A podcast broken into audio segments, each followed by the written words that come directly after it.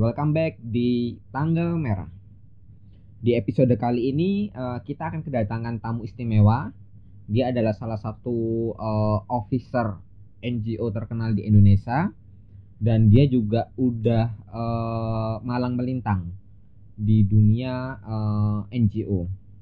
Jadi tanpa panjang lebar lagi, eh, mari kita dengerin eh, guest kita kali ini. Silakan, Bapak. Ya perkenalkan nama saya Rois Almarisi Asal saya dari Banyuwangi. Saat ini saya kerja di salah satu NGO di Indonesia Yaitu GIN Global Alliance for Improved Nutrition. Nah fokusnya GIN di sini adalah untuk merubah perilaku ibu balita, pengasuh balita terutama di dalam pemberian makanan bayi dan anak Oke, jadi Rois adalah uh, salah satu officer di NGO di Indonesia ya. Iya Oke, dan Rois ini dulunya adalah salah satu uh, teman baikku juga di S1 di Malang ya. Iya Oke, Uh, boleh diceritain nggak daily life di NGO itu seperti apa? kalau terkait itu mungkin apa namanya eh, kerja di NG- NGO itu mungkin tidak seperti yang kita bayangkan kita di kantor kemudian apa namanya kita di depan laptop sehari-hari tidak seperti itu. Jadi kalau kita intervensi perubahan perilaku itu kita turun memang ke lapangan memastikan intervensi kita itu memang benar-benar dilakukan terutama dalam hal ini eh, saya memfokuskan di posyandu. Jadi kegiatan tersebut apakah benar-benar terlaksana dan apakah ada perubahan perilaku dari intervensi yang kita lakukan seperti itu Oke, jadi uh, Rois sering turun ke lapangan ya, ke field ya. iya sering Jadi sering ke grassroots untuk eh, melakukan intervensi-intervensi perubahan perilaku. iya benar sekali Oke, ini menarik sih kalau menurutku karena ini juga bidang baru sih, ilmu baru buat aku juga. Jadi perubahan perilaku seperti apa sih yang eh, dilakukan di masyarakat? Bisa diceritain dong eh, apa namanya lebih detailnya gitu. Iya, kalau detailnya intervensi itu sebenarnya kita eh, apa namanya menggunakan salah satu metode komunikasi yang biasanya kita sebut emosional demonstrasi. Oke, emosional demonstrasi itu memakai ini ya, emosi atau kayak hipnotis gitu. Iya, jadi kalau emosional demonstrasi atau emo demo itu ada beberapa prinsipnya. Biasanya kita singkat sense. S yang pertama itu sosial, Oke, sosial, kemudian C-nya itu cerita, C cerita, kemudian E-nya itu emosional, Mm-mm, kemudian N-nya itu nyata, mm-mm. T-nya itu tidak terduga, dan S yang terakhir yaitu sederhana. Itu merupakan salah satu prinsip dari emo demo sehingga mudah dipahami oleh masyarakat dan mudah untuk diterapkan oleh masyarakat itu sendiri. Oke, jadi ada prinsip-prinsip eh, khusus ya untuk menerapkan eh, strategi komunikasi di dalam masyarakat gitu. Iya benar sekali. Nah, itu nanti tujuannya buat apa sih? tujuan akhirnya adalah untuk merubah perilaku eh, masyarakat yang saat ini mungkin banyak yang belum tahu tentang pemberian makanan bayi dan anak. Jadi eh, ini ya apa MPASI ya, bukan? Iya, eh, Atau lebih dari MPASI? MPASI dan eh, ASI eksklusif. Oke, jadi lebih ke ini ya apa istilahnya PMBA ya, Ya PMBA. pemberian makan bayi dan anak Iya. kayak gitu. Oke. Eh selama melakukan kegiatan intervensi perubahan perilaku eh pernah mengalami suatu kesulitan nggak atau challenge nggak? Kalau challenge-nya mungkin eh, kebetulan saya kan megang di wilayah Kabupaten Jember. Oke. Dan hmm. itu ada dua karakter ya. Jadi kalau yang sebelah selatan itu karakternya masyarakat Jawa, kemudian yang utara itu eh, masyarakat eh, Madura dan itu Oke. karakternya sangat berbeda. Unik nih. Iya. Jadi ada kayak culture gitu ya. iya. Jadi sosial budaya juga mempengaruhi dari eh, teori intervensi perubahan perilaku. Iya. Oke, iya, oke. benar sekali. Terus gimana sih eh, tantangannya atau challenge-nya tadi? Kalau tantangannya mungkin karena dengan adanya dua karakter tersebut Jadi kita harus pandai-pandai melakukan pendekatan. Jadi pendekatan yang di wilayah selatan sama yang di utara itu sangat berbeda. Kalau misalkan di saya contohkan misalkan di wilayah selatan yang di daerah Jawa itu apabila si master of trainer itu apa namanya perpanjangan tangan kita yang di bawah itu cukup mensupervisi saja mereka sudah mau melakukan. Akan tapi kalau yang di daerah daerah utara itu kita perlu adanya dukungan dari kepala desa kemudian babinsa. Babinsa itu biasanya dari koramil sama sama ini apa namanya tokoh-tokoh masyarakat yang ada di situ. Kita memerlukan bantuan seperti itu agar masyarakat di situ mau kita intervensi seperti itu. Oke, okay. hmm. jadi selain kita ada uh, key intervention, jadi kita juga harus uh, ini ya mengakses ya modal sosial apa sih yang ada di masyarakat kayak gitu. Iya benar sekali. Jadi supaya program-program atau intervensi yang kita bawa ke masyarakat bisa sukses gitu ya, bisa sukses gitu. Iya iya benar benar. Oke, terus selama perjalanan udah berapa tahun sih e, melakukan kegiatan ini? Kalau untuk di wilayah Jember saya baru uh, hampir satu tahun ini mm-hmm. cuma sebelumnya saya pernah melakukan kegiatan yang sama itu di Kabupaten sidoarjo yang kurang lebih waktunya sekitar dua tahun Oke, dua tahun ya. Hmm. Oke, jadi selama dua tahun itu uh, capaian apa sih yang mungkin bisa disarankan ke kita kita sebagai pendengar di podcast episode kali ini? Kalau capaian mungkin ini ya kita uh, ada yang namanya MSG jadi kita MSG itu apa ya? Oh bukan MSG ya? Bukan. Oh bukan. Oke oke oke. ini kayaknya perlu ke THT nih. singkatan most significant change. Oke ini ini ini ini ilmu baru ini apa apa lagi nih MSG ini kalau bisa MSC dijelasin nggak? itu kalau misalkan uh, itu cerita yang paling cerita perubahan yang paling bermakna. Oke. Okay. jadi hmm. dalam pada saat kita mengintervensi suatu kelompok masyarakat itu kita melihat perubahan yang terjadi pada masyarakat itu, terutama perubahan di individunya. Misalkan, saya contohkan, kemarin ada yang berubah setelah ada emo demo ASI saja cukup. Dari yang tadinya diberikan susu formula, ibunya memberikan e, berniat untuk memberikan ASI kembali ke anaknya. Hal tersebut merupakan salah satu e, yang dipotret oleh MSC atau most significant change.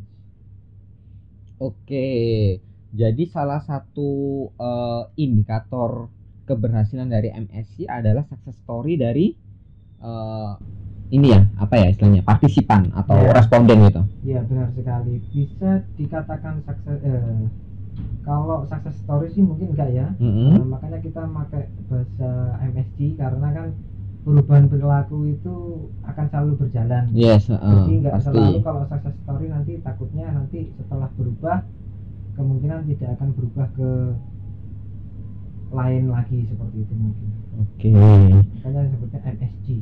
Iya iya. Dan uh, aku baca-baca juga sih beberapa referensi gitu bahwa intervensi-intervensi uh, kesehatan saat ini itu lebih difokuskan ke intervensi perubahan perilaku kayak gitu ya iya iya benar. dan setahu sih ada tahapan-tahapannya sih sebelum kita uh, apa namanya uh, emang benar-benar perilaku yang diharapkan itu berubah gitu hmm. mungkin bisa ini nggak diserkan nggak pengalamannya gitu kalau tahapan-tahapan mungkin uh, dalam emo demo ini uh, saat kita ingin merubah perilaku seseorang tidak mungkin kita sendiri yang bisa merubahnya oke okay, uh, jadi kita butuh nah, partner ya istilahnya ya, atau support partner. system Iya. Mm-hmm. Kalau yang saya kerjakan di sini kita melakukan pelatihan berjenjang. Jadi awalnya kita melatih MOT, Master of Trainer. Kita okay. di Jember mm-hmm. itu punya 24 MOT. MOT itu nanti akan melatih uh, bidan uh, bidan wilayah dan PKK desa. Nah, setelah itu, setelah bidan dan PKK desa itu dilatih oleh MUT, mereka melatih kader. Nah, setelah mereka melatih kader, baru kader-kader itu nanti melakukan emo demo di posyandu. Jadi dalam tahap pelatihan saja itu sudah banyak yang kita rubah karena kan bertahap. Oke, eh, jadi melibatkan banyak orang ya, banyak Iya. banyak eh, istilahnya apa ya? Eh, ya itu tadi beneficiaries atau partner gitu Iya, kan. partner. Mm-mm. Terus, Terus setelah itu mm, eh, kita juga perlu dukungan dari pemerintah desa. Mulai dari Pak Camat, kemudian TPPKK apa namanya kecamatan, TPPKK desa sama Pak Kepala Desa karena beliau-beliaulah nanti yang akan mengevaluasi eh, mengevaluasi atau memonitoring program kita apakah benar-benar berjalan di masyarakat ak- ataukah tidak seperti itu. oke, jadi di sini juga eh, ditekankan eh, pentingnya peran dari eh, stakeholder lokal ya. Benar. Selain untuk mengevaluasi dari kegiatan juga supaya kegiatan bisa lebih sustain atau berkelanjutan. Iya, apalagi kalau misalkan apa namanya kegiatan kita ini kan juga salah satunya berkaitan dengan ini apa namanya dengan pendanaan. Oke, eh, kenapa itu dengan pendanaan ya? Nah, karena eh, kemarin kita membaca eh, salah satu berita yang menga- mengalokasikan anggaran dana desa itu untuk pencegahan stunting. Oke, stunting itu apa sih? Nah, stunting Heeh. itu biasanya kita sebutnya tinggi badannya tidak sesuai dengan umurnya. Oh, cebol ya, bukan? Nah, bukan cebol sih. Nah, Kalau Heeh. cebol kan hanya fisiknya saja, Heeh. tapi itu juga perkembangan otaknya juga terganggu. Oke, jadi ada perubahan ini ya fisiologis di otak Iya, ya. benar sekali. Oke, oke. Mm-mm, terus? Nah, jadi kita memasukkan anggaran eh, emo-demo itu di dalam pro- salah satu program dari stunting, di mana permainan emo-demo kita juga eh, ada beberapa yang memang eh, bisa dijelaskan untuk eh, masalah stunting seperti itu. Oke, jadi emang targetnya udah spesifik ya. Jadi emang untuk menurunkan angka stunting gitu. Dengan teori perubahan perilaku. Iya, oh ya sedikit tentang teori. Teori yang kita pakai itu teori BCD. Eh, apa itu BCD? Ini singkatannya banyak sekali. Nah, Tadi MSc, memang- sekarang BCD terus Nah, apa itu ya? Kita sering banyak singkatan ya. Oke, oke. kalau Seru, BCD seru nih, seru nih. Heeh. Behavior Center Design. Oke, BCD Behavior Center Design. Nah, Oke. itu yang mengembangkan itu dari London School of Hygiene and Tropical Medicine. Oke, dari UK ya itu ya. Iya, Oke. betul. hmm. Memang apa namanya karena intervensi perubahan perilaku beberapa tahun ini kan berkembang pesat. Salah satu pengembangnya adalah dari London School. Oke, Nah, uh. itu yang kita pakai. Terus Jadi- apa yang unik dari BCD ini? Eh, kalau yang unik dari BCD itu, nah, memang eh, BCD itu salah satu eh, apa namanya psikologi evolusioner. Us, gila gila gila Apa psikologi itu? evolusioner. Oh, keren banget, keren banget. Apa itu? Apa itu? Mungkin boleh ini dong. Aku juga baru dengar sekarang sih Iya, itu. ini tadi agak keceplosan sih. Oke. Gak apa-apa kalau kita plosannya bagus kan. Jadi Iya. memang apa namanya BCD itu berdasarkan dari eh, teori evolusi, teori evolusi dan eh, apa namanya dan marketing Oke. itu. Menggabungkan ilmu marketing Nah, dan ilmu psikologi. psikologi. Heeh. Terus? Nah, terus kemudian memang titik fokusnya selama ini kita tahu program-program yang sudah dilakukan untuk intervensi perubahan perilaku sebenarnya itu hanya berfokus pada pengetahuan saja. Yes, heeh. aku juga ini sih Hmm. sempat baca juga itu sih. Hmm. Masih itu berarti basic layer ya istilahnya? Iya, Oke. basicnya. Nah, itu Heeh. padahal kalau misalkan kita ingin merubah perilaku seseorang, Mm-mm. itu jangan fokus pada pengetahuannya. Oke. Karena Mm-mm. Pengetahuan itu tidak selalu sejalan dengan perilakunya. Jadi Yes. Mm-mm. fokus di teori BCD itu langsung ke perilaku kuncinya. Perilaku kuncinya. Iya. Bisa dikasih contoh nggak eh, kayak gimana gambarannya gitu? Nah, misalkan Mm-mm. dalam apa namanya eh, hal-hal yang mempengaruhi perilaku itu kan banyak. Yes. Di antaranya benda-benda di sekitar kita, kemudian eh, apa lingkungan biologis, kemudian apa namanya sosial ya, hubungan antar manusia. Nah itu mempengaruhi perilaku seseorang. Jadi eh, saya contohkan misalkan emo demo itu kan menggabungkan. Jadi kita menginfokan pesan kunci tapi melalui permainan di mana permainan itu terdapat peralatan-peralatan yang bisa dimainkan oleh peserta. Jadi peserta nggak hanya pasif mendengarkan penyuluhan misalkan tentang ASI eksklusif ibu-ibu harus memberikan ASI eksklusif 0 sampai 6 bulan kepada anaknya. Akan tetapi dalam memo demo itu tidak seperti itu. Mereka bermain. Oke kita kasih tebakan. Ukuran perut bayi satu hari itu seukuran apa? Di situ ada kelereng bola pimpong bola bekel.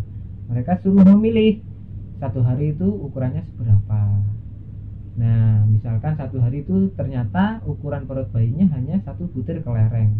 Artinya, kalau satu butir kelereng sebenarnya tidak perlu memberikan susu formula, cukup ASI saja.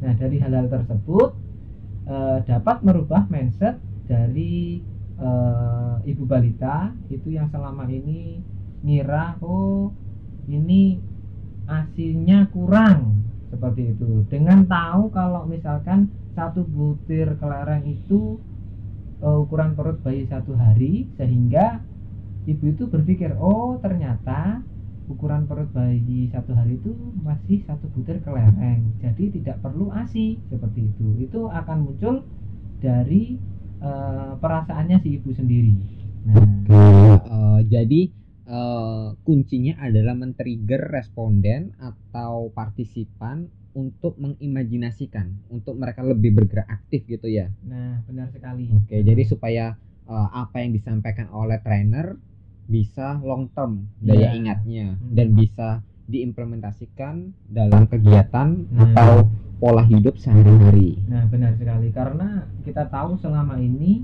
yang kita sampaikan kepada masyarakat itu hanya berupa kata-kata dan kata-kata yang nantinya ujung-ujungnya hanya menjadi informasi Oke, okay, jadi ini uh, beyond dari informasi ya, yeah. lebih dari itu.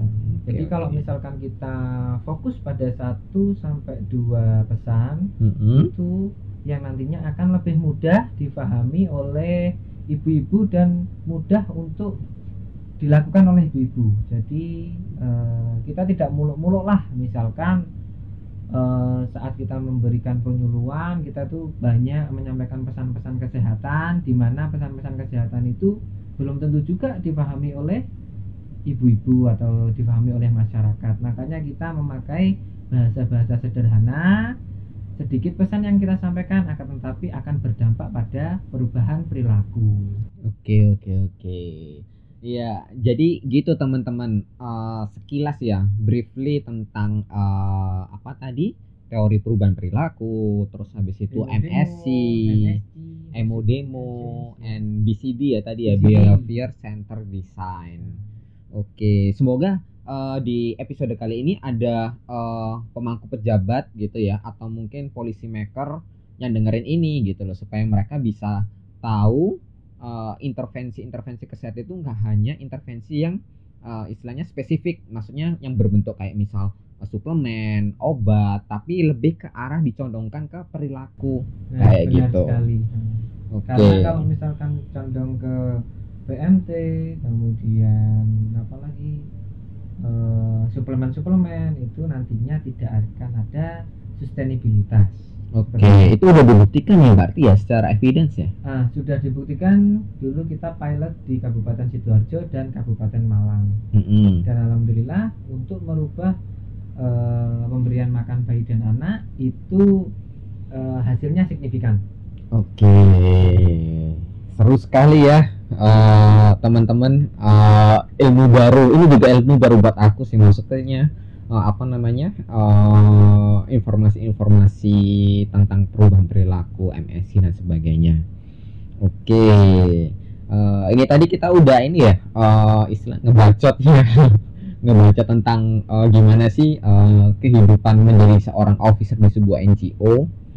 Terus kali ini aku mau menyambungkan sih, uh, soalnya Rois ini uh, bisa dibilang sebagai pengantin baru teman-teman Uh, jadi dia ini baru kurang lebih berapa bulan, Rois? Uh, kurang lebih 8 bulan. 8 bulan ya. Jadi dia ini uh, baru 8 bulan menikah. Jadi masih fresh from the oven.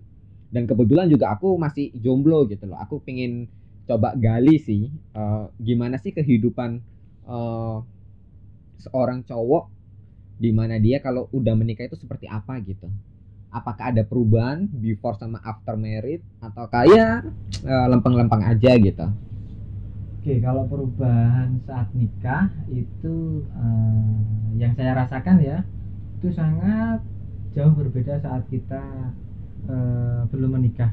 Jadi contohnya ini beneran nih ini beneran ini oh beneran oke serius ya. iya Iya.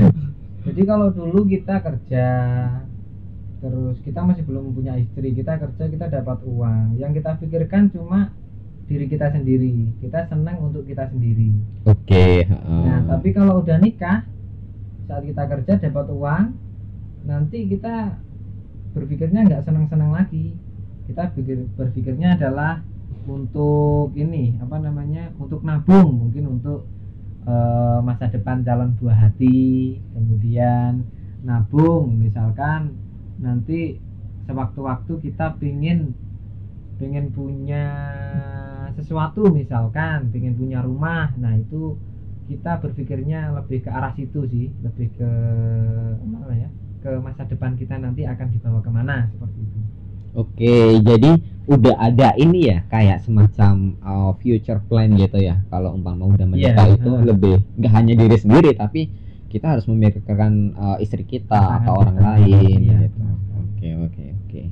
Uh, terus lu kan ini kan termasuk ya tergolong muda juga kan untuk ukuran cowok gitu. Sekitar umur 25 udah berani untuk komitmen uh, untuk serius gitu kan, untuk komitmen membuat suatu family atau keluarga kecil gitu. Iya itu apa sih yang melatar belakangi eh, lu bisa mantap? Maksudnya bisa berani berkomitmen kalau motivasi saya nikah di usia 25 itu ayah saya. Oh karena ayah. Gimana gimana? Lu eh, ada ada eh, cerita apa nih di balik Nah, ayah? eh, ke- eh, ayah saya itu nikahnya kan usia 25 oke. Setidaknya Hmm. anaknya itu juga juga ini apa namanya juga nyontoh ayahnya lah. Jadi di usia 25 itu eh, menikah. Dan alhamdulillah dan alhamdulillah ini apa namanya ya saya juga diberikan penghasilan kemudian diberikan calon istri yang siap saya nikahi. Jadi ya nggak pakai pikir panjang ya udah saya nikah. Gitu ya simpel banget ya. Karena emang udah ada calon terus habis itu emang eh, terinspirasi dari eh, kisah Ayah. orang tua gitu ya. Jadi memantapkan diri di usia 25 untuk menikah kayak gitu. Iya benar sekali. Ada ini nggak eh, tips trik itu nggak buat aku deh kayak gitu kan yang mungkin masih sekarang masih still single gitu? Ya biasanya orang takut nikah itu karena misalkan oh takut nanti nggak bisa eh, menafkahi istri. Iya iya benar. Itu juga Ah. kadang-kadang kepikiran juga sih aku. Takut nggak bisa menafkahi istri. Kemudian eh, takut nggak bisa membahagiakan istri. Udahlah kalau udah nikah nanti jalan rezekinya sudah ada yang ngatur. Jadi kita tinggal eh, apa namanya kita tinggal menjalani aja rezeki kita pasrahkan kepada Allah Subhanahu Wa Taala. Subhanallah. Adem ya rasanya. Udah kayak berasa di ini di pucuk oke oke boleh boleh boleh boleh. Oke.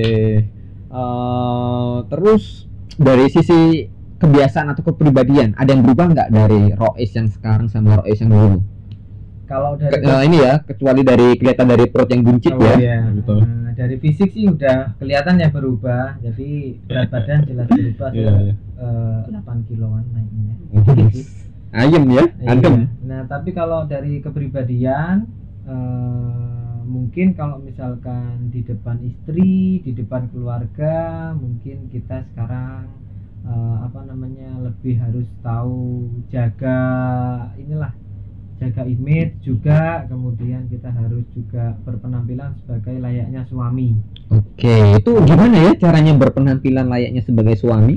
Nah, berpenampilan layaknya suami itu dari tutur kata kita yang biasanya mungkin apa namanya kita ceplas-ceplos, kita nggak pakai mikir dulu saat ngomong, tapi saat jadi kepala rumah tangga atau jadi suami itu kita harus memikirkan secara matang-matang. Karena takutnya kalau misalkan kita ceplos-ceplos nanti istri kita atau keluarga kita nanti apa namanya tersinggung kan kita juga nggak tahu apa omongan kita itu nanti apakah menyinggung atau tidak seperti itu. Oke, jadi lebih berhati-hati ya maksudnya supaya nggak ada orang yang terluka dengan uh, perkataan atau ucapan kita ya. Iya benar sekali. Oke oke oke. Hmm, terus uh, selama kurang lebih 8 bulan ini pernah nggak uh, cekcok atau mungkin beda pendapat gitu? Kalau cekcok itu uh, kerikil-kerikil lah ya. Jadi jadi pernah ya? saja hmm. pernah oke oke. Okay, okay. uh, terus nah, terus? jadi nggak mungkin lah dalam suatu rumah tangga itu nggak ada apa namanya uh, cekcok ataupun apalah itu ya. Tapi kalau misalkan uh, ada salah satu yang mengalah harus ada salah satu yang mengalah. Jadi nggak boleh ada yang egois. Oke jadi oke. jangan batu ketemu batu ya. Iya nah, kalau batu ketemu batu nanti pecah. Pecah sakit apa ya, ya jadi harus inilah harus salah satu yang ngalah. Kalau misalkan eh, sebagai kepala rumah tangga terutama kita harus ngalah sama istri kita. Seperti itu. Oke jadi emang lebih ini ya walaupun kalian kan terbilang umurnya sama kan ya. Maksudnya iya. uh, sepantaran lah istilahnya hmm. kayak gitu. Jadi emang dituntut untuk lebih legowo lebih uh, berlapang dada. Iya benar sekali. Karena kan kalau misalkan kita jadi kepala rumah tangga artinya kan kita kepala. Nah kalau kepala itu kalau misalkan apa namanya ada sesuatu hal yang tidak sesuai dengan kita kita bicarakan. Kalau misalkan tetap tidak sesuai kita wajib mengalah Nah, agar mengalah bukan berarti kita kalah, tapi mengalah kita untuk kebaikan e, jalinan hubungan suami istri dalam suatu rumah tangga. Oke, seru banget sih, keren keren keren keren keren.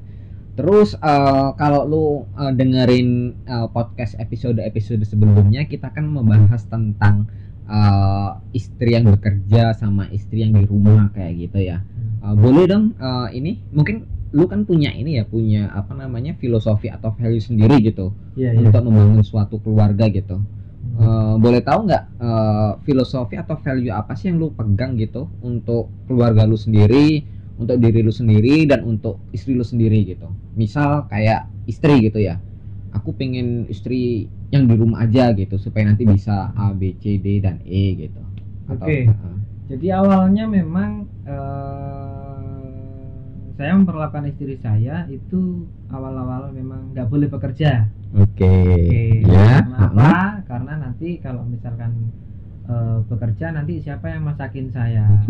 Kalem ya, kan? manja. Siapa yang masakin? Siapa yang bikinin kopi ya kan? Nah itu tapi lama kelamaan saya paham kok kalau misalkan orang nganggur itu kan memang nggak enak. Okay. Jadi uh, setelah empat bulanan itu setelah empat bulanan ya kayaknya istri saya mulai mulai jenuh nganggur di rumah masak terus cuci baju kayak gitu dan akhirnya dia minta kerja nah di situ uh, saya beri kesempatan kepada istri saya agar apa namanya nyari kerja kan tapi jangan yang terlalu berat lah yang ringan-ringan saja misalkan admin kayak atau apa gitu oke okay. hmm. hmm. terus kalau dari uh, sisi lu sendiri gitu filosofi atau value yang lu pegang sebagai seorang kepala rumah tangga gimana? Yang pasti yang jelas ini kan berdasarkan uh, tuntunan Al-Qur'an dan hadis kayak gitu, tapi uh, apa sih mungkin sisi nilai atau uh, yang, value yang lain gitu? Uh, yang per, uh, ya ini sih apa namanya? Uh, jujur sih yang jujur jujur iya. adalah pondasi uh, utama fondasi kalian utama. membangun suatu relasi gitu. Iya. Jadi kalau misalkan kita itu Eh, sama-sama jujur itu insya Allah nanti dalam membina rumah tangga nggak ada lah masalah-masalah yang sangat berat meskipun berat pun nanti kalau misalkan kita jujur nanti pasti akan bisa terselesaikan berdua seperti itu. Oke, jujur adalah uh, value atau nilai yang lu pegang gitu ya sebagai seorang kepala rumah tangga. Iya, benar sekali. Oke oke. Terus um, apa ya kira-kira yang mungkin bisa kita obrolin ini? Apa ya? Mungkin itu aja sih apa namanya pesan saya untuk yang saat ini takut nikah. Itu jangan takut nikah karena nikah itu merupakan salah satu kesempurnaan ibadah ya jadi eh, apa jangan takut untuk menikah karena nanti karena menikah itu enak menikah itu enak jadi enak banyak enak, enak di mananya ya banyak enaknya kok. Heeh. tenang, tenang aja contoh nah nanti kalau misalkan jangan kasih contoh lah nanti buktikan sendiri kan saat nikah ya Oh ya.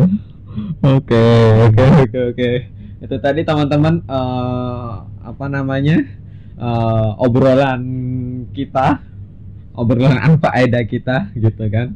Mulai dari eh, gimana berkarir di NGO di Indonesia hingga gimana dia membangun suatu keluarga. Semoga bisa menjadi bahan bahan apa ya? Bahan renungan ya mungkin ya kalau lagi boker gitu kan kita kan suka merenung tuh Iya. jadi sambil dengerin podcast kita bisa mikir gitu kan untuk bahan inilah apa namanya eh, untuk bahan iklan iklan oh bahan iklan oke oke oke. Oke Rois. Eh, terima kasih waktunya telah mau berbagi eh, cerita sepu- seputar kehidupan pribadinya seputar eh, pekerjaannya. Terima kasih banyak udah meluangkan waktunya. Mungkin sebelum kita akhiri di episode ini ada satu dua kata atau gitu? Ini apa ya. Nggak usah lah saya nggak bisa eh, bikin sepatah dua patah kata mungkin lu aja kali Lu aja kali gila gila gila keren keren. Oke guys, kalau gitu eh, sampai di sini eh, perjumpaan kita di episode eh, apa ya? Ini belum ku namain sih sebetulnya. Ya di episode kali ini lah gitu. Oke, sampai jumpa. Terima kasih udah mendengarkan dan see you. Bye bye.